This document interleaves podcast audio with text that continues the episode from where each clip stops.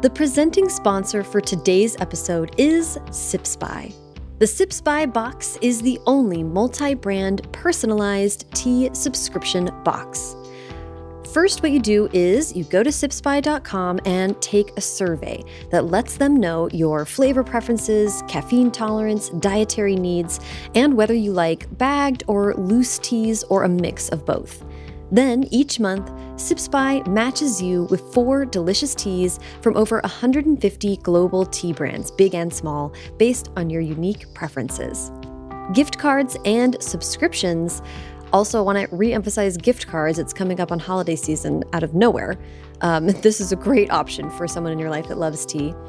Uh, gift cards and subscriptions available at www.sipsby.com. That's S I P S B Y.com. And First Draft listeners can use the code DRAFTSIPS for 50% off your first Sips By box at sipsby.com. Okay, I have my November box here.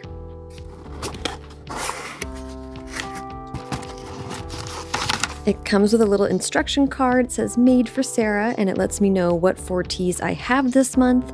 Looks like I have organic peach and ginger moringa tea, Fiji tea, which is medium caffeine and looks, oh, a, a traditional Chinese green tea. Yes, thank you. Apple cinnamon with a coffee level caffeine. Uh, amazing. That's definitely going to get drink first. I'll tell you that right now. And wow, a Nepalese tea with a name I absolutely refuse to try to pronounce right now. but it's a high caffeine, so I'm happy to see it. Um, this is awesome. And there's a mix, it looks like, of bag teas and loose. And then Sips By also gives me this little, um, these little linen sachets in case I want to kind of mix it up that way. Everything I need to have a lot of cozy cups of tea this month.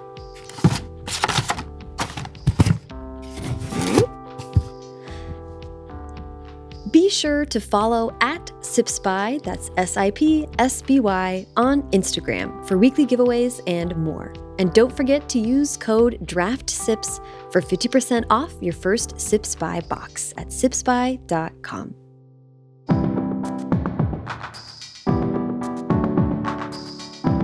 Welcome to First Draft with me, Sarah Enni. This week I'm talking to Chloe Gong, New York Times bestselling author of These Violent Delights and its sequel, Our Violent Ends. I love what Chloe had to say about how researching how to apply to college in the US was similar to researching how to get published in the US while she was based in New Zealand. She had a lot of extra homework to do uh, to figure out all of that, and she has a lot of advice for authors who are not based in the US but want to get published here on balancing the desire to have an audience with the desire to write geographically and racially diverse young adult literature, and on how she went about splitting her original manuscript into two for this duology, all while switching editors. No small task. If you enjoy First Draft, there are a lot of ways to support the show. First and foremost, join the First Draft Patreon where for 5 or $10 a month, you'll get access to an exclusive community forum. That's a Discord channel where we are sharing tips and encouraging each other through Nano, talking about Taylor Swift Red, and talking a lot about publishing news. There's a lot of publishing news going on right now, so we're kind of breaking that down.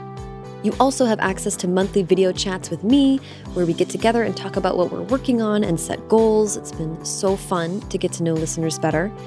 And on top of that, you get 15% off all first draft merch. Plus, a shout out at the top of an episode like right now. Thanks to Laura Samant, Camille Leeds, Lisa Parkin, Keely Weiss, Melody Murphy, Kelsey Ferguson, Janet Cherinsuk, Crystal Suzanne, Lydia O'Neill, and Amy Fortenberry for joining the Patreon and supporting the show. If you want to skip the song and dance and just donate right to the show on a one-time or recurring basis, you can do that at paypal.me slash firstdraftpod or by donating via Venmo. The show is on there at firstdraftpod. The show notes for this and every episode are packed with great links to everything the guest and I talk about, and it's a sneaky great way to support the podcast. First Draft is an affiliate of bookshop.org, so whenever you go to firstdraftpod.com, click on a link, and buy a book through our bookshop shop. Part of your purchase goes to support the show, and part of it goes to support independent bookstores at no additional cost to you. And while you're on the website, check out the shop to see all the first draft merch. I am in the middle of putting up some really exciting new stuff. We've got sweatshirts, t shirts, notebooks, dad hats. God, God help me, I want scrunchies up there. We're gonna have a bunch of great stuff, and every purchase directly benefits the show. There's a lot of free ways to help out too, free and easy. Subscribe to the podcast on whatever app you're using to listen to it right now, and leave a rating and review on Apple Podcasts. Ratings are awesome, but if you take the extra minute to leave a review, I will read it in the end credits. And sign up for the First Draft newsletter to be sure you never miss an episode and to hear about news and upcoming events. Okay, now please sit back, relax, and enjoy my conversation with Chloe Gong. So, hi, Chloe, how are you doing today? I'm good. How are you? I'm good. I'm good. I'm so excited to talk this morning. I had so much fun reading these violent delights and our violent ends. Oh my gosh, so much to talk about. um, but for my podcast, I love to get a little background info on the authors I talk to. So I'd love to hear about where you were born and raised. Oh, starting right from the very beginning. I love that.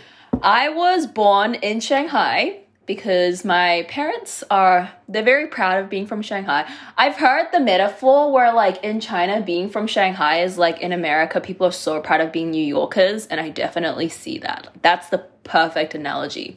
So interesting. I was born in Shanghai and then I was raised in Auckland, New Zealand. So we moved and immigrated when I was two. So I was a little toddler running around, and everything that I remember of my childhood is very suburban New Zealand. Tell me about how reading and writing was part of growing up for you. Yeah. So, oh my God, reading was such a big part of my childhood, mostly because I didn't have any other hobbies. So reading was just my major hobby. Every week my mom would take me to the library, the local library, and I would like browse the shelves and pick up like a whole stack of books.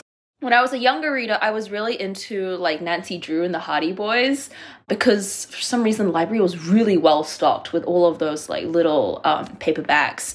And then, you know, by the time I got to like 13, 14 ish, that was when the YA paranormal boom was happening.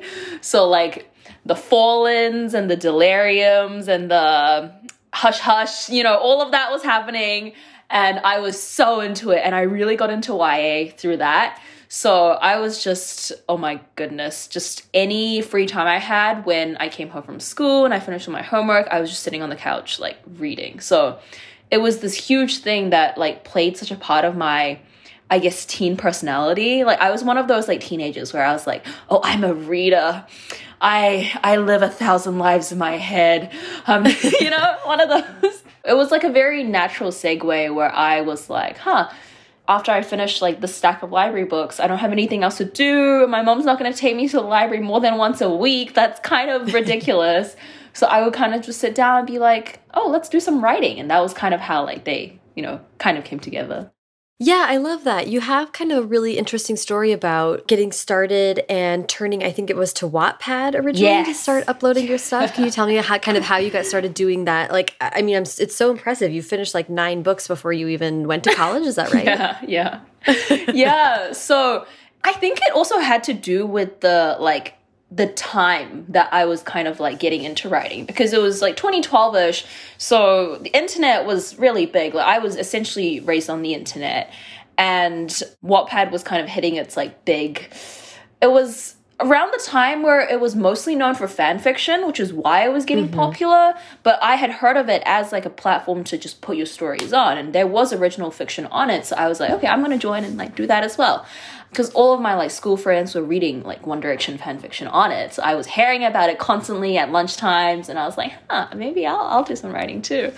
The first book I started writing, I was like 12, 13 ish, and I never thought about it as book writing. And I think that's why mm. I hmm. ended up producing so many manuscripts so young because I was just really bored and I finished reading all my books. So I would just write one chapter and kind of put it online and I didn't have it like collected on one like document anywhere because i feel like as like Mm. writers now we're imagining like oh let me open a word document and kind of like just keep typing until we reach the end that was so different to how i started because i would write it in my like notes app as just one chapter and then I would put it on Wattpad, and then I would kind of sometimes the notes app got deleted, and that was fine because it was just living online, like as one chapter, right? I know it's like horrifying to think of Mm-hmm. I'm like, yeah, but it was just it would live online, and I never thought of it as a collective document. I thought of it as like chapters that I would put up periodically, and then I had like readers who would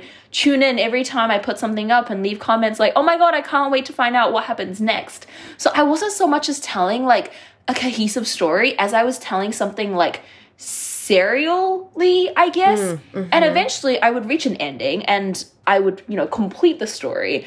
And it wasn't until like five stories in that I was kind of thinking like, huh, these are books.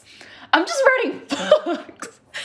so it was like a delayed realization that I was actually like being a writer, you know? Yeah, well, that's and that's so interesting to me because I think, um, first of all, yeah, the serialization Mm. of it is so maybe even helpful because the idea of tackling a whole book, Yes, especially when you yes, write. I mean, I don't know if you were if they were all fantasy series that you were writing, but fantasy books. And if you're a fantasy lover, you're like, oh, they're so Yeah. huge. So thinking about tackling that is like almost overwhelming. But I'm so fascinated that that um, fan fiction was sort of like around you. It was like so um, fan fiction wasn't as popular when I was growing up. So to me, understanding that people came to it and were able to just write in that way, I was like, gosh, I wish that I'd had that around. But you were sort of surrounded by fan fiction, deciding to do your own original stuff, which is so interesting. What do you think was that was making you pursue that?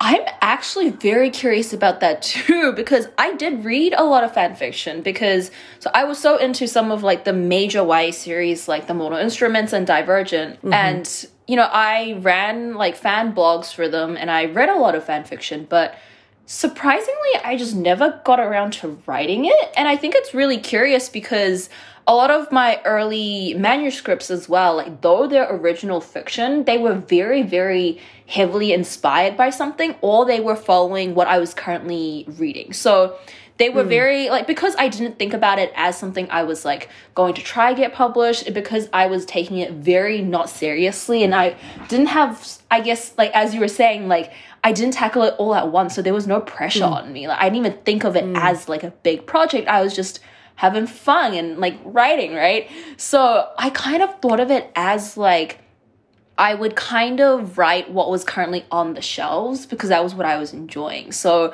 like, my first series was this like, I wrote these two books that were like paranormal, like, because I got into why writers paranormal was booming.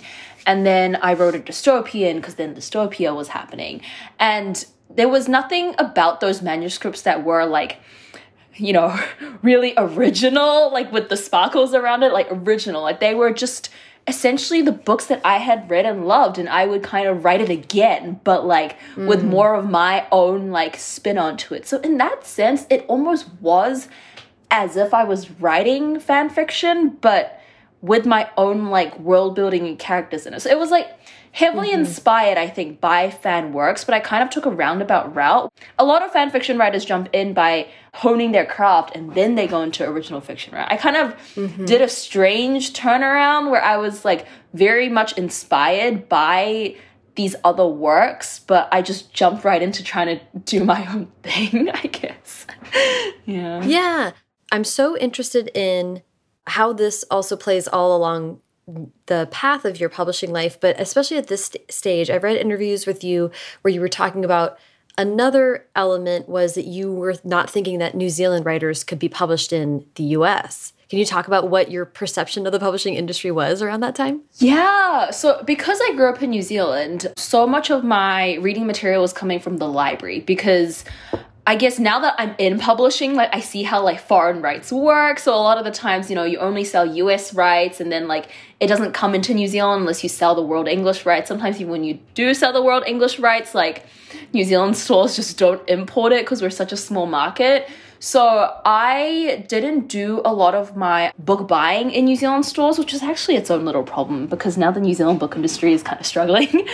um, a lot of times in New Zealand, if you're a reader, and especially a YA reader, where most of the market is in the US, like you buy your books in the export market like it comes directly from like the states and you kind of perceive like the YA industry to be dominated by the US, which is to an extent very true. Um, like right. lo- the stories and like the authors are very heavily US dominated. So I guess I think it was just a matter of I had not really seen international authors like in the midst. I hadn't really seen stories that were set outside of the US, especially during that like 2010s boom era. And I think my immediate assumption, which actually wasn't true. Like my assumption was just, oh, like, you know, if I don't live there, I can't get published there, which eventually, like, as I got a bit older, I think I was like 16 and I kind of made the realization, I made the realization that I could just Google these things. I was like, can I get published if I don't live in the United States?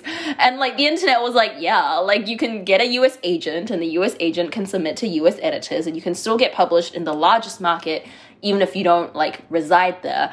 So I was kind of coming to that realization, but at the same time, I was also applying to the US for school because, you know, the United States is kind of the hub for a lot of things, also education. so I was like, you know, I want to come to the US for school, and that kind of got me thinking, like, is publication something I've also associated with the US? Is that also something that I can pursue? So they were very much happening at the same time. Like I was making these realizations because I was thinking about one thing and then, you know, I got into the US for school. So I was like, oh, well, now I'm going to be there anyway. So a lot of the things where I was like, can I get published in New Zealand? Well, I'm going there anyway. But even if I hadn't gone, you know, Google tells me that I could have published from my little suburbia as well. yeah, and I appreciate you speaking to that because that that is still a question I get a whole lot from listeners to the show who aren't in the U.S. but who are interested in publishing in the same market as all the books that they love and enjoy. So um, I wanted to make sure that we were like super clear on that. Yeah. And this isn't what you're here to talk about, but I'm so intrigued about what it was like to apply for schools in the U.S. because that is like a weird time zone difference or i mean like with like application i mean like all that stuff what was it like to to research that and to actually go through it? Well actually it is honestly kind of a lot like how i was researching querying because i was just so like on my own, I guess, because in the States, like American teenagers will go through high school preparing for like applying to colleges, they have college counselors, they have SAT prep and all that. They know what everything is. And I was kind of like starting from the ground up where I was like, you know, I want to go there, but I have to figure out how to go there. And I was kind of like diverging from, you know, the traditional moving up path that other New Zealanders around me were doing where they just took they went through high school, they took their high school exams and then they went to university in New Zealand. And I was also doing that because I had to take the exams to pass high school anyway. But at the same time, I was studying for the SATs and I was like, okay, now I need to research like how to write college essays. I need to research all of this, all of this, all of this. So it was like a lot of Googling and trying to like figure things out on my own. And there are like, especially in New Zealand, there are services where people are like, pay me this big amount of money and I'll tell you how to get into school. Again, you can relate this to writing. Also like that. Some people are like, pay mm-hmm. me this big mm-hmm. amount of money, I'll tell you how to get an agent. So mm-hmm. honestly quite similar. But at least for me, I was like, I'm gonna Google, I'm gonna do a lot of my own research, and I put my applications together and sent them off. I want to talk a little bit about the early books that you were writing because I read this interview, or I think this maybe was on um, your blog, where you wrote there were two wolves inside younger Chloe. One wanted to write about white people so that she could get readers on Wattpad and people wouldn't be like, but why are they Asian? And the other one was sick of reading about white people. So I'm really interested in how this was a part of your development while you were in that kind of like learning about your style and, and how to write in your Wattpad days. Like this was an issue that you were working through even then a lot of the reason why I kept writing was because I had readers online. So. I hmm. think if I had been growing up and writing my books in solitary, I wouldn't have been as motivated to finish a lot of them. And I think that's why I ultimately ended up pursuing traditional publishing because I'm so I guess addicted to the feeling of like telling stories and then getting readers in, right? Like it's very much a like give and take exchange obviously I write for myself first, and that's the only way to stay sane. But I'm not satisfied with just having it for myself. I do want other people to read it. So a lot of my earlier journey in, you know, even putting works online, I kind of had to sit with the fact of like, I was around 14 and only really getting started when the We Need Diverse Books movement was happening. My thought was opening to the fact where, like, oh, why can't I write about people that look like me? Actually, because before the movement kind of happened, it was kind of just like a accepted thing. It was like, oh, well, okay, you know, to succeed, write about the majority. Like that's just how you get in, right? And I think a lot of books that were on the market were exactly playing into that feedback loop. So all of that discussion was happening while I was still very like young as an author and as a person. so my brain was kind of like trying to wrap itself around it where I was like, I really agree with this. I would love to see people that look like me having these stories that aren't exactly related to identity. And then I was kind of looking at what kind of stories were doing well like on Wattpad and what stories were doing well on the bookshelves. And it was kind of like this is a tough situation because I think statistically I would do better if I just wrote about white people. And on Wattpad, I had a pen name that I just swiped from one of my favorite fictional characters. And because of that, it just read like a white name. So I was like, well, I could just go undercover. I wouldn't really do much. So, as a result, a lot of my earlier books actually were about half Asian, half white characters, which I think is really common with a lot of POC who just get started because we think, oh, well, we're kind of allowing ourselves in there, but like we're just not quite right. And that's actually quite like problematic because, you know, biracial authors also deserve to actually tell their stories. But it was how I kind of first inched into it because you know you're kind of scared to fully write proper like what you want represented but you're also like well i if it doesn't relate to the story i can already predict people are going to be like well why why did you do that which is ridiculous but it was a different time i think the 2010s now i think a lot more information has kind of you know made people more aware but before the numbers were kind of really weighed against that kind of thing. So it was a thing to really consider. And even eight manuscripts in, a lot of them were like series. So it's it's kind of like I guess I I wrote like four separate I guess series. But These Violent Delights was the first time I actually wrote like a Chinese protagonist because I was like, okay, now I think I'm brave enough to actually do that. But before that, it was kind of like maybe I'll hint that it's an Asian world in this fantasy world. But I'm not gonna go like, right into it because it was like putting it on Wattpad and there is a certain statistical majority. mm -hmm. Yeah. Right.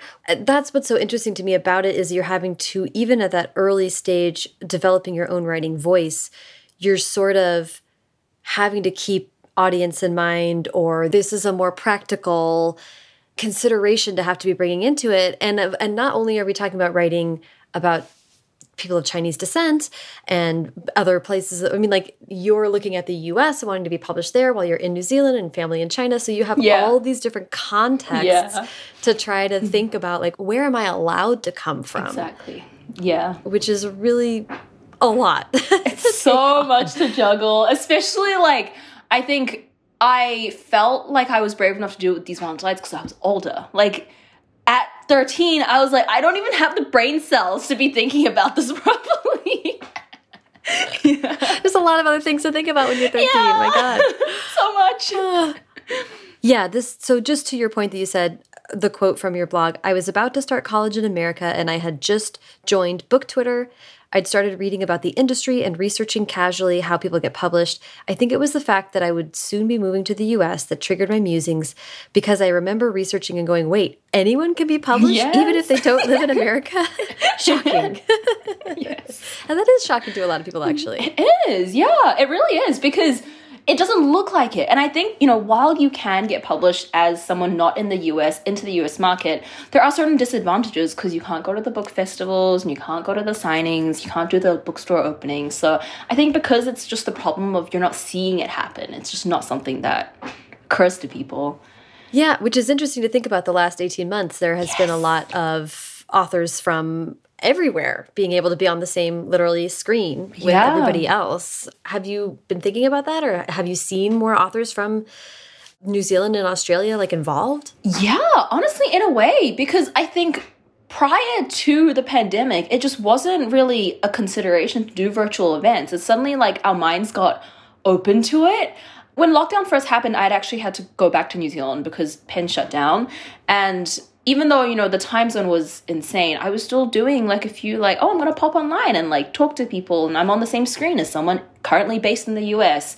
And I think it just hadn't occurred to us prior to this that we could do this.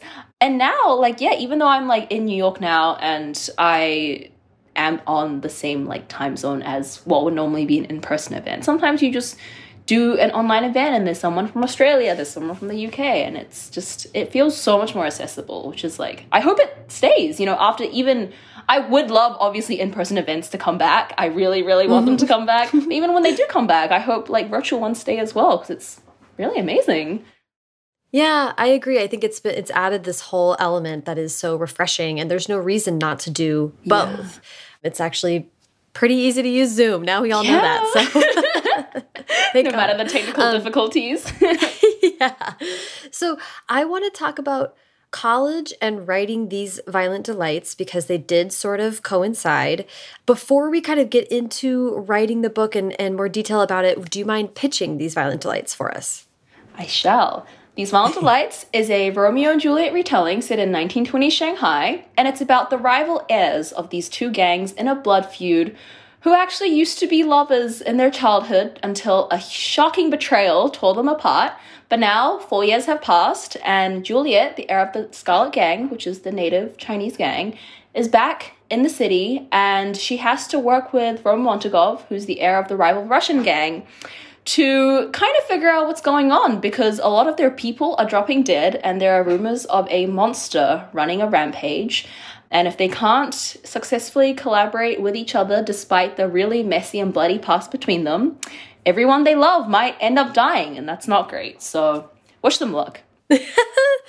I love that. I also love, you know, we were just talking about how Twilight fan fiction sort of like took a, a tiny kernel and went running. It's like a Romeo and Juliet retelling, and there's this monster. And I would love to hear about kind of the origin story for that book and that idea. Mm-hmm. I just love the the like kind of dual track of like your literal world is expanding. You are moving to the US and and going to study and you also are like okay, I finally have the bravery to tackle this really big story. Can, can you Yes. kind of talk about the origin story of the process? I first got the idea, like the initial, like little, like nitty gritty concepts of these Violent Delights before I started college. So I kind of had this image in my head about like a blood feud story and like two families at war in some way. And I specifically wanted it set in 1920 Shanghai because I've always been so fascinated with the aesthetic of that time period. And I really loved Libba Bray's The Diviners for what it kind of did with like the city as a character and like a time period as this like living, breathing thing. And I wanted to do the same thing, but in Shanghai, because I loved its history. My parents have told me so many stories about like the way that it was, you know, forming and all of that. So I kind of put the ideas of like Blood Feud and 1920 Shanghai together first. It kind of automatically formed in my head as a Romeo and Juliet retelling because I was thinking, you know, if I do a blood feud story, everyone's gonna be like, oh, Romeo and Juliet comparisons. And I was like, I'm really into like Shakespeare anyway, so I was like, I may as well just go like head on and tackle it as a retelling because I think that makes it more interesting than kind of avoiding the like comparisons. So I had the idea for it first, and then I actually didn't write any of it. I think I wrote one chapter throughout the whole of freshman year because I was just like so busy. I was like, I do not have time to do a single thing except college. But the whole time, I think throughout that one year, I was thinking about it. I was thinking about these characters. I was thinking about the story that was like very slowly taking shape in my head, and it was just it was just fermenting. I think fermenting is really mm-hmm, important as mm-hmm. part of the creative process. it's mm-hmm. fermenting in my head, and then it wasn't until I actually got the time to write it that I like sat down and actually like produced it. So it was summer after freshman year. I went home. I didn't have anything to do that summer because I was like, I'm a freshman. I don't need an internship, which is actually quite unusual when you go to a school like mine because all of my friends mm. are doing internships but that's that's a tangent uh, so i was like i'm gonna do something productive as well even if i don't have an internship i'll, fin- I'll write this book so i was sat on my couch just writing the whole book and it came together really fast because i you know had nothing else to do i was a 19 year old with no responsibilities so the character of juliet in these violent delights she is coming back to Shanghai after a time in New York. That's what I think of when I think of you coming home and sort of sitting there writing this character who is like re revisiting her childhood home and thinking like, do I still fit here? Or what am I supposed to be thinking about here? What was it like to kind of explore that perspective? I think I very intentionally wrote her narrative to be kind of a reflection on like the second generation immigrant crisis. She's not technically an immigrant because she was only there for like a portion of years and then she didn't quite kind she kind of grew up there but she took enough out of it as it became like her identity. So even though like technically while it might not reflect what we see as the modern day immigrant experience, I was very much trying to make it like an exact parallel. I think it was super interesting because I, in a way, kind of made her Asian American, whereas I am not American but I think it's been fascinating to kind of talk about like how I wrote her and like how it kind of reflected my own experiences because it kind of comes back to make me think that like the immigrant into a western country narrative is so similar like across the spectrum. No matter if it's like the states or new zealand there's still that like big split of like the culture that you came from like your heritage and what your i guess like parents or grandparents if it's you know if you've been there for even longer what they have expected of i guess for you to continue or for you to carry on and learn and how much of that you end up losing when you try to belong in like a society that's like so critically different. That feeling of like loss and you have lost something and then you don't feel like you're completely into a new place either and I really wanted to kind of capture that and put it into this narrative because I feel like we don't have enough of that as just like a casual backstory in like a fantastical setting. I wasn't trying to write a book that was fully exploring that because I had more interest in writing about like the monsters and they star-crossed romance and blood and guts and I kind of just wanted to be running like in the background as this protagonist who could lead a story that was otherwise unrelated to that. And it kind of just came out that way. And I was like, oh, this works. Yeah, a rich, mm-hmm. rich backstory. And yeah. also something that, I mean, I'd love to talk about choosing to set it in 20s Shanghai like a lot to tackle, right? Like, not mm-hmm. only are you sort of putting the blood feud, that element of Romeo and Juliet, into that time frame, but I'm so interested that you know that's where your family is from, and you know the history of the of Shanghai at, at the time that you said it is really complex and kind of on the verge yeah. of like massive change. Yeah. Um, first question about that I, I want to hear about choosing to set it at that time and i also want to hear about what it was like did that give you the opportunity to talk to your family more about your family history with shanghai? I think i had the interest to begin with because my parents also talk about it a lot. They're like this was the golden age. This was what your grandparents were doing i guess. Mostly like other relatives. I, I don't think my grandparents were old enough. My grandparents were born in the 40s yeah not my grandparents. But anytime I have any sort of like history question from my parents, they will jump on it. After I started writing the book, actually, I asked this like completely random like grammatical question to my dad about like the use of I think like the number two because like sometimes in Chinese you use it like in different contexts. He comes back to me like ten minutes later with like an encyclopedia of like copy and pasting, and I was like, I just needed what you thought was the answer. I didn't need all this research, but thank you, thank you anyway. So that's, oh, that's, that's so funny. that's the level of enthusiasm my parents have for me, like reading back into the history and like wanting to engage with it. They're really, really enthusiastic about it. So you know initially even before i got the idea for it that was kind of the like the way that they you know raised me with that kind of approach and i was like fascinated with the idea of like 1920 shanghai because then i'd also watched like you know movies and like shows like from that China produced. So I was like, well, I want the setting as well. And I kind of want to put like my diaspora experience into it. So I kind of started doing my own research, I think. And through that, I kind of delved into a deeper look at a lot of the things that fiction and even fiction from China itself kind of leaves out because, you know, like China had this whole history of like, this was the age of humiliation, now let's brush it over. You know, every country is just so guilty of brushing that over, right? So I looked into the history and there was all the stuff about, you know, like foreigners taking over like big chunks of the city and that was why it was running lawless and all of these like after effects of the opium wars and all of these like building things that were about to happen before the chinese civil war. I was like this is really fascinating for the kind of ideas i want to tackle for like a romeo and juliet retelling because you know I was a Shakespeare nerd, so I knew all about the whole like how do you love in a place of hate? What does like hatred look like? What does this like society operating with these factions look like? And I was like, this is so fascinating because I can tell a blood feud story between two equal groups who aren't like oppressive forces with each other, and then I can then expand it even further and look at what that looks like when there are oppressive forces on top of them. So like the types of hatred that come between equal groups, the type of hatred that come between like unequal groups. Like my English major brain was just buzzing. So I was like, this history really works perfectly. Like the way that warfare kind of splits out, the fact that there are these domestic political parties there as well. It all came together for what I wanted to do. yeah, I love that. I mean, at first glance, you could have easily potentially made it a communist nationalist and gotten rid of like the gang element entirely if you wanted to. But can you talk about what you gave yourself narratively by adding this layer of because they're not real. The gangs are what you made. I mean, there were gangs, but you made up these, these specifically gangs. were fictional. Yes.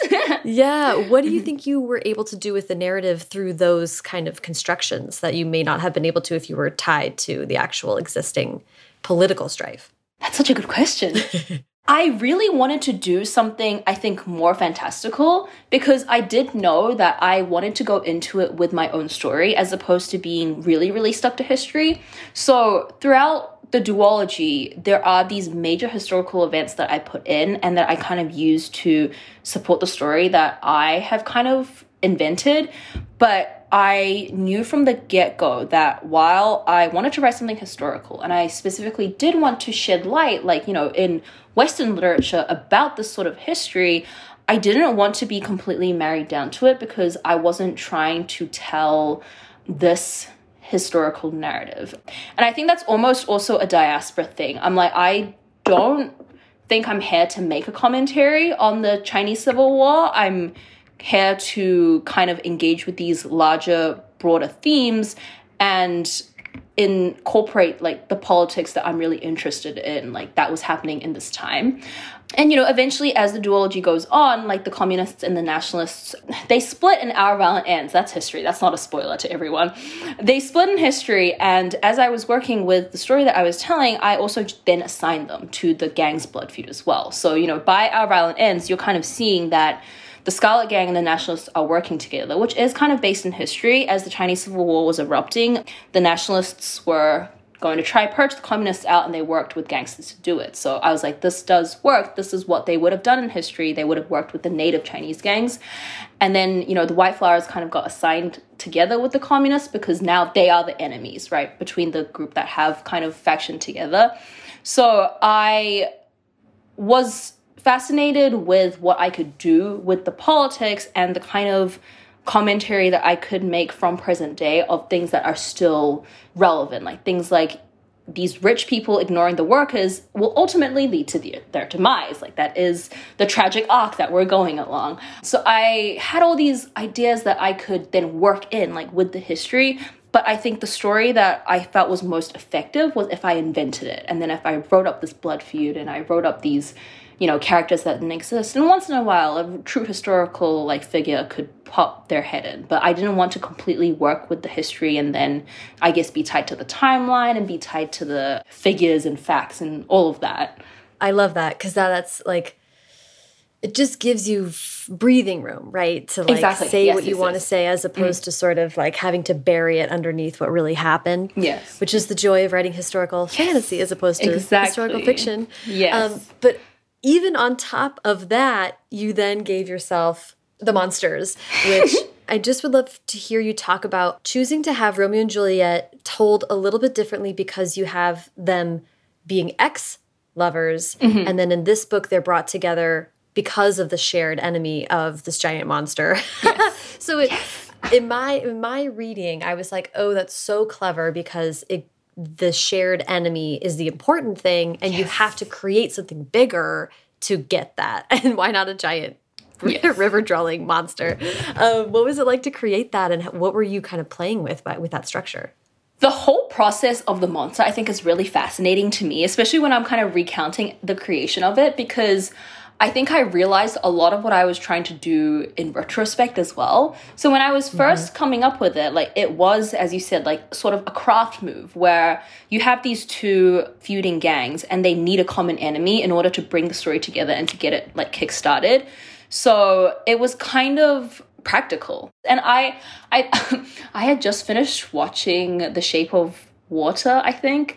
Uh, so anyone who's seen that movie and then anyone who reads this book and kind of reads the descriptions of the monster, you can see the similarities. I was very inspired by that monster. I thought it was so freaky. And I was like, huh, I would be scared by that running around my city. So that's how it kind of went in. And then it's not just a monster, right? It's also a contagion.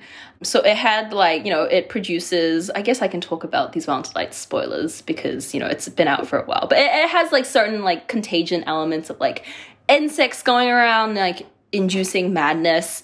And when the book was first being cobbled together, it was all very much practical because I was like, well, here's the monster that's their mutual enemy, and here's the madness that is the element of time to get them really worried and concerned, and that's the stakes. And then I finished the book and I kind of looked back on it and I was like, this is a metaphor for imperialism. I was like, this is actually like all a metaphor. Because you know like ultimately you find out who's the one behind the monster and that's the first indication of like who's the one setting this kind of madness onto the city. But then i kind of went back and thought well you know this whole time like imperialism and colonization is also this huge factor that's bringing a native Chinese gang and an immigrant Russian gang together because the both of them are at risk of being booted out by colonizer forces. And the thing is, when imperialism is the big bad, you can't see that. It's invisible until it's not. And in the same way, I was like, okay, well, this madness is also invisible. You know, it's infecting you until it's not, until you're ripping your own throat out. And I kind of leaned into it as soon as I saw what I was doing, like through revisions, because these two gangs are like, you know, they're rich, they're the elite, and they're kind of destroying themselves by continuing to collaborate with the foreigners and not working with the poor factory workers, right? And that was kind of the arc that Our Violent Ends kind of takes on even further. It was especially interesting because I wrote Our Violent Ends after COVID had already happened. So the first book was pre-pandemic and there were so many parallels about you know only the rich are getting vaccinated and the poor don't get access and all of that and then the second book the pandemic had happened and i was like oh my god this is too real to reality so yeah. yeah yeah it just all of it was very like i didn't intend it at first to be a metaphor and then i saw it was happening i was like oh i'm gonna lean into this now so Right, right. Well, I've talked to a lot of people about this because it's so, so wild how this happened. I mean, in my lifetime, the first time I saw it or really was like after Hillary Clinton lost, right? Donald Trump won that election. And then immediately afterwards, for the next like 10 months, all these books came out that were like dystopic political mm. like conflagrations. And people were like, oh, a, a book for our moment. And it's like, well, we as authors know that that author was writing that for like years probably yeah and it just and the timing is coincidental but i think it's just indicative of that's like zeitgeist thinking right like we're all sort of all swimming in this. So you write this book about a, a contagion and also people and like all the vaccine stuff and then like yeah. This happens, happens. I mean, what was that like for you? Were you like i don't know what did you think about that? It was really really wild because i had written the whole book like before any of it had happened. And I think there was just even more similarities because it was not only an epidemic book, it was an epidemic book that was so focused on like China and like all of the xenophobia that kind of pops out. there are some people who now like screenshot parts of the first book where it says get vaccinated. And they're like, Chloe Gong wrote this after the pandemic. And I was like, no, I didn't. I wrote that two years in ahead. I was just psychic, I suppose. But as the pandemic was first breaking out, before it really hit the US, when it was first, you know, a China thing, I was, you know, watching the news and I was on two ends of it because I was looking at the posts coming in from my relatives who were like, we're all in lockdown. This is really serious. People are dying. We don't have the complete numbers, but we're seeing like, you know, these bodies being burned every day. This is serious. Take this seriously. And then in the US, no one was taking it seriously. And it was just a really startling thing to see.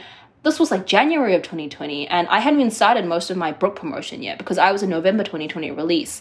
I was like doing copy edits, and then I was seeing these like passages where there's a scene in these Delights where Kathleen's on the bund and she's thinking, you know, these foreigners aren't going to believe that this madness is real until it hits them. There's a line where she says, Good, I want to wait until it hits them and then they'll see. And then it hits them and it's like, well, it's not good. It's good in a petty way where you're like, finally they understand. And then there's just death and destruction all around. And that was by March exactly what was happening right, in real life. Right. So it was a really, really like bizarre thing to kind of witness. And then, of course, like as a debut author trying to put out her book, then there was so much xenophobia happening. And I was like, well, this is, I don't know what this book is gonna do now. I don't know what market it's hitting, right? With all of this mm. like fair going around. And oh, it's actually really funny because the original release date for my book was election day. and then it got moved. Thank God. It got moved before I had even um, said anything. So uh, it came out November 17th, but then originally it was set on November 3rd. And I was like, this is actually going to be quite funny if we put out a book starring mainly Chinese and Russian characters on election day. I think right. I think I might be able to find a marketing point off of that actually. but um, thankfully, thankfully it was moved. Um, but you know, I think just the real life climate that was happening and the all the stuff in the book was just it was so much to kind of sit with because I was like this sometimes predicting the future is not a good thing. yeah, like I'm out of the game. Yeah. uh, yeah, I want to talk about the fact that these violent delights and our violent ends is two books, but it didn't start out that way. Yes. Can you talk about in as much as we can without spoiling what the whole was before and then what it was like to split it in half? Yes, so originally it was one manuscript, and that was how it went online. So I posted the whole original manuscript on Wattpad first, and then as soon as I finished it, as soon as I had gotten all of the inspiration from the readers who were reading chapter by chapter, ah. as soon as I had profited off of their encouragement, um, as soon as I put the last chapter down, I think I left it up for one more week in case anyone hadn't finished it, and then I took it down because I, I knew mm -hmm. from the get go that I was gonna try publish this it had all been one book and that was what i signed with my agent with and that was what we sold it as until mm-hmm. i worked with my then editor because she since moved houses but my first editor said actually we think this could work as a duology especially because i think the story i was trying to tell was so big my agent my editor did love what i was trying to do but we could see like by the time you got to the end there was so much happening and so much that could get more development that I didn't have the time for because there's, you know, I can't write like a 900 page, like big brick. Um, so my editor suggested making a duology, and I was like, yes, that sounds wonderful. I'm never going to pass up an opportunity to write more. So it wasn't until that we actually got into like proper revising, like with the publishing house, that I started like splitting apart. I think then I had like the mm-hmm. security of like, well, I already have the book contract. I can pull it apart however much I need to.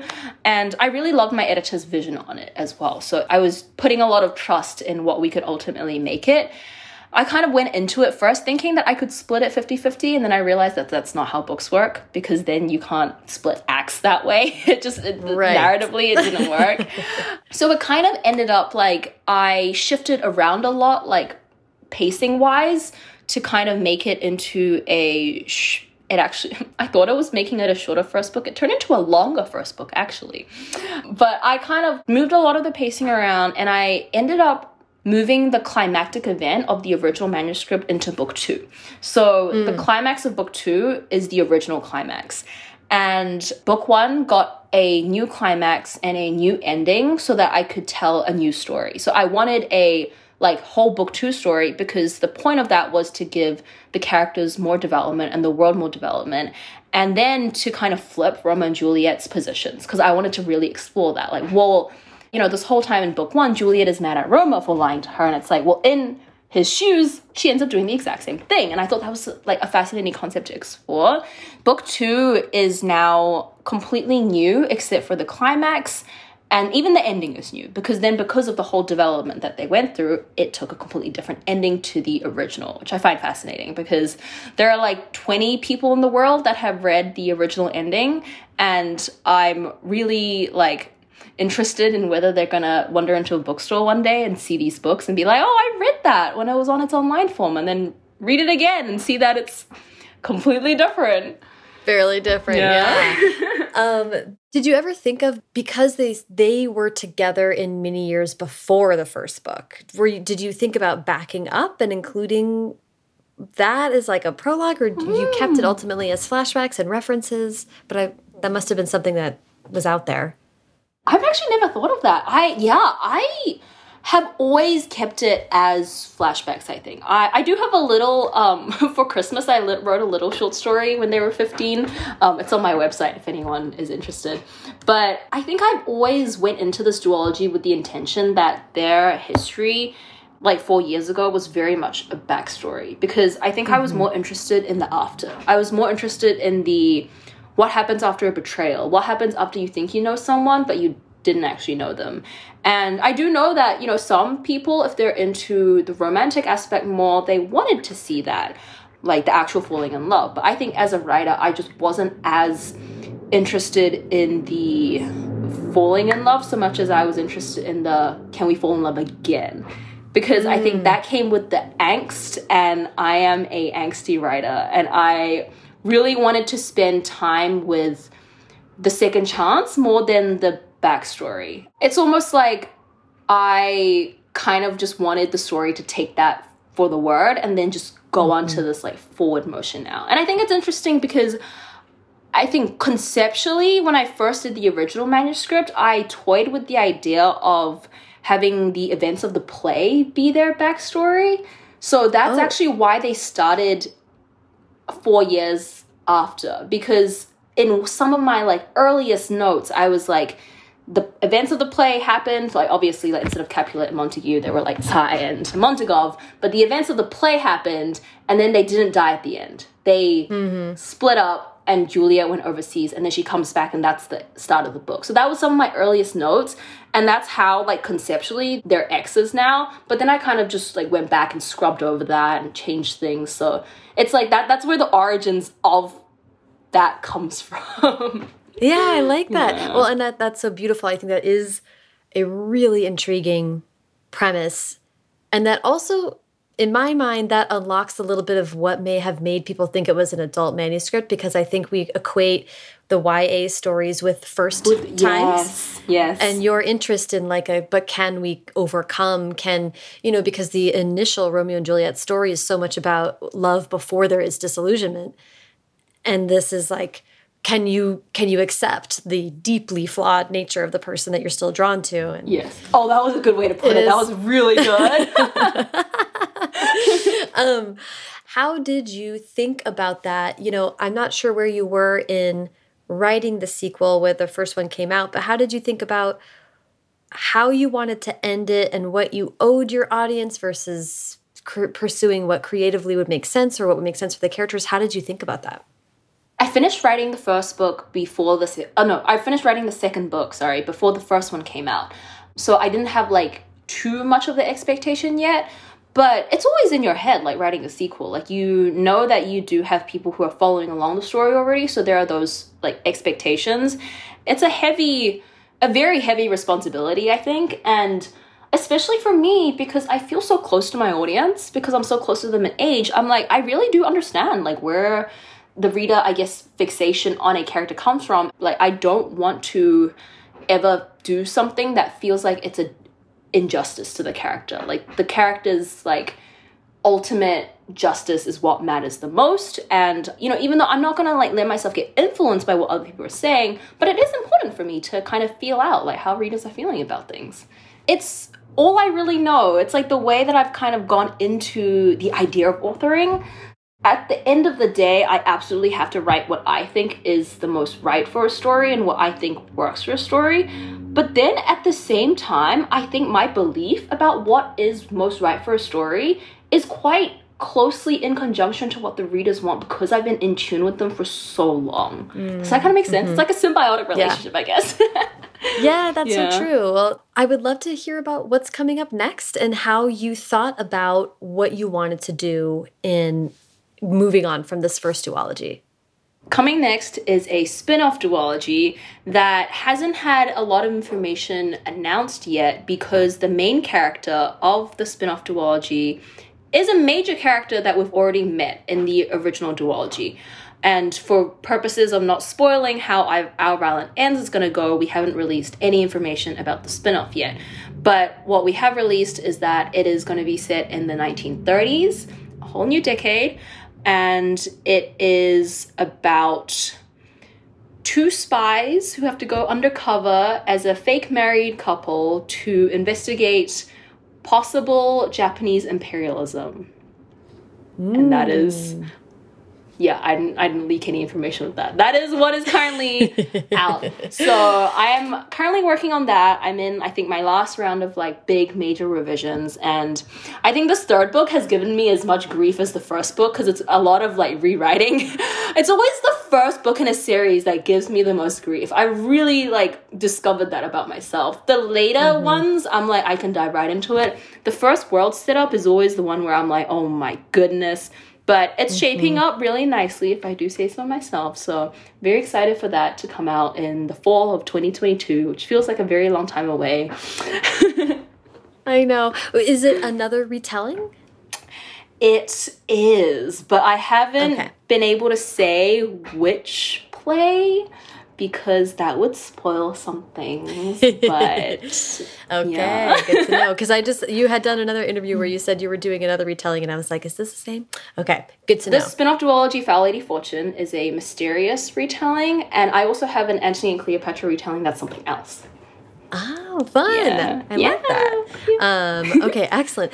One last thing I want to ask about your particular experience. Uh, it's going to be a study visa question, and then we'll, I'll ask you for, for advice. But mm-hmm. um, I was reading this really lovely, hilarious article written about you by, I think, a dear friend, and it was in a New Zealand publication. Mm -hmm. And she was saying that it's been a legal issue for you and your representation to have to sort of navigate being on a study visa while being like a professional working person in the US. Yes, because the US has very strange, well, I guess it's not strange. I guess all Western countries have this, you know.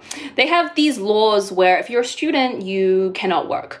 How it works is that if you're a student, you can do work related to your major. So usually it's either on campus employment or it's the job that you're going to get after you graduate. So for me, I was like, well, being a novelist is related to my English major, which it kind of is. I'm not like, it's not, I kind of call it a loophole, but you know, legally, if someone took this to a court of law, I would still, I think, be justified. Yes. Um, yeah, so I uh, count being a novelist as part of my English major training. It's that's kind of what I'm technically under right now. So after you graduate, international students get a whole year of called like optical. I actually don't know what the, what it stands for. This is really bad of me. All the other international students listening to this is like, how does she not know what it stands for? It's called OPT. but it's like I have a whole year where I get to do job related things that are related to my major. So for a whole year, I'm gonna be a author as you know mm -hmm. part of being an English major, and then I kind of go on to like the art visas after that. In which case, then I can mm. worry about doing official immigration things. But for now, I'm just a student who's also writing. Yeah. okay. And what are you, what are your thoughts about whether you want to? I mean, this is too long. I mean, I'm, I would love to hear about how your whole college experience with virtual and then real life again. that's a little bit too broad for the time you have left. But but what has this end of college been like for you, and how are you thinking about where you want to be and what you want to do going forward? Yeah, this I I think I graduated in the strangest of times because I was class of 2021. So mm. I think I really got the shorter the short end of the stick because, you know, class of 2020 still got most of their senior year. Class of 22 now, most colleges are back in person. Um, mm-hmm. I think class of 21 spent the longest time on Zoom. So, you know, it was very strange to do the end of my college years like online and then have it kind of coincide with my debuting experience. So just mm-hmm. everything got moved online and like I guess I experienced like very intense life upheaval in the strangest of on times. a screen yeah on a screen yeah like all of my most intense life upheavals happening on a screen but you know now i'm in new york and i'm hoping to you know be a writer here for a while so that's hopefully my future to come i hope Well, that's exciting. Well, I'm glad you found uh, New York, and I'm glad that you're able to spend at least a year.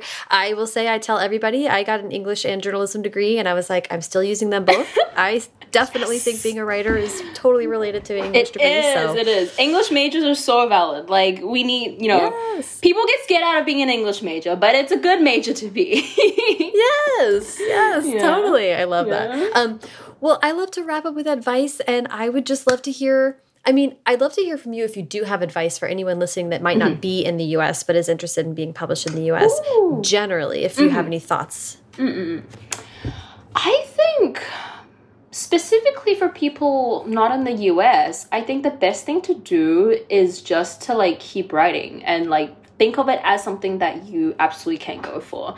And I think especially after the pandemic happened, like Zoom making things more accessible, and we're reaching more of an internet age, I think the playing ground is evening out, right? Like a few years prior, there would be people saying there is a certain disadvantage in not being like in the States and in person doing all of these things. But you know, now things like TikTok are like really moving book sales in the book market, and you put yourself up on the internet as like a accessible entity no matter where you are, you can sell mm-hmm. as many books as someone located in the US. Like you don't have to go to the festivals, you don't have to go meet people in the stores, you don't have to do anything in person because I think the power of the internet is really, really like changing and shifting these few recent years. And I think we're still at the like I'm like getting too in depth now, but I think we're still in the like we're in the beginnings of where this new internet age is going, and I think we can't completely see it yet.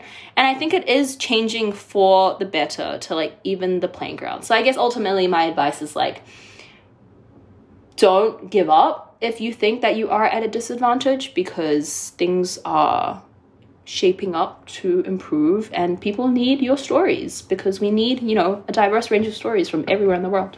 Yes, I love that. I do not remember where I heard this now, but I was listening to a podcast the other day where someone said that there's a theory about after um, the printing press was invented that it took a hundred years for like that total revolution in information sharing to settle down and sort of have its full impact on education and society and and now of course we're like yes books like books written information the, the you know that is just so tantamount to everything that we do and they were like if you think about the internet as a similar explosion of possibility, we are so early in figuring yes, out how this exactly. integrates into our lives and our exactly. interpersonal connections. So I would that was like made me feel better.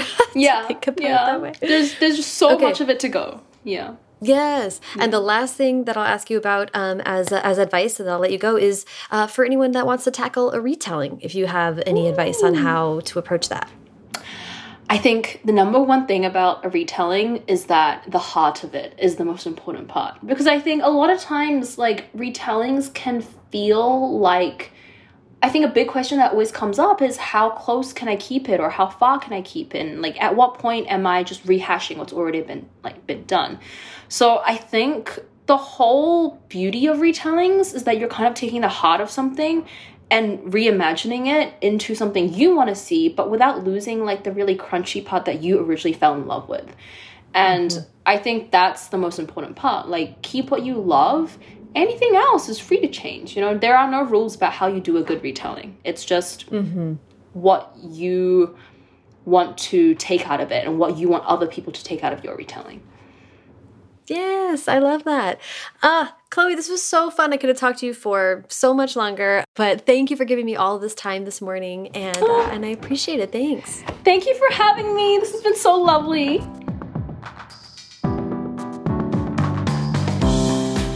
Thank you so much to Chloe. Follow her on Twitter, Instagram, and TikTok at the Chloe Gong.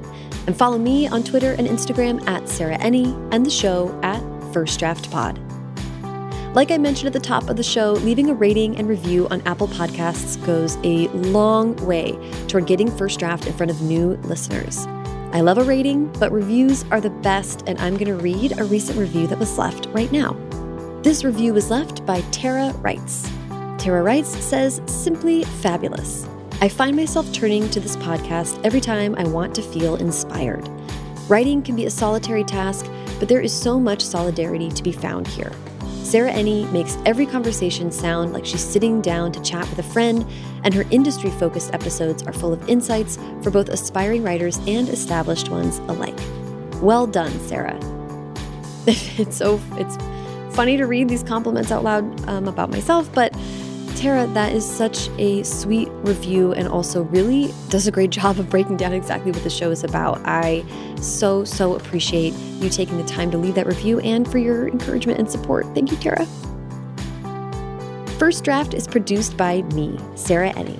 Today's episode was produced and sound designed by Callie Wright. The theme music is by Dan Bailey, and the logo was designed by Colin Keith. Thanks to social media director Jennifer Nkosi and transcriptionist at large Julie Anderson. And as ever, thanks to you, star-crossed monster hunters, for listening.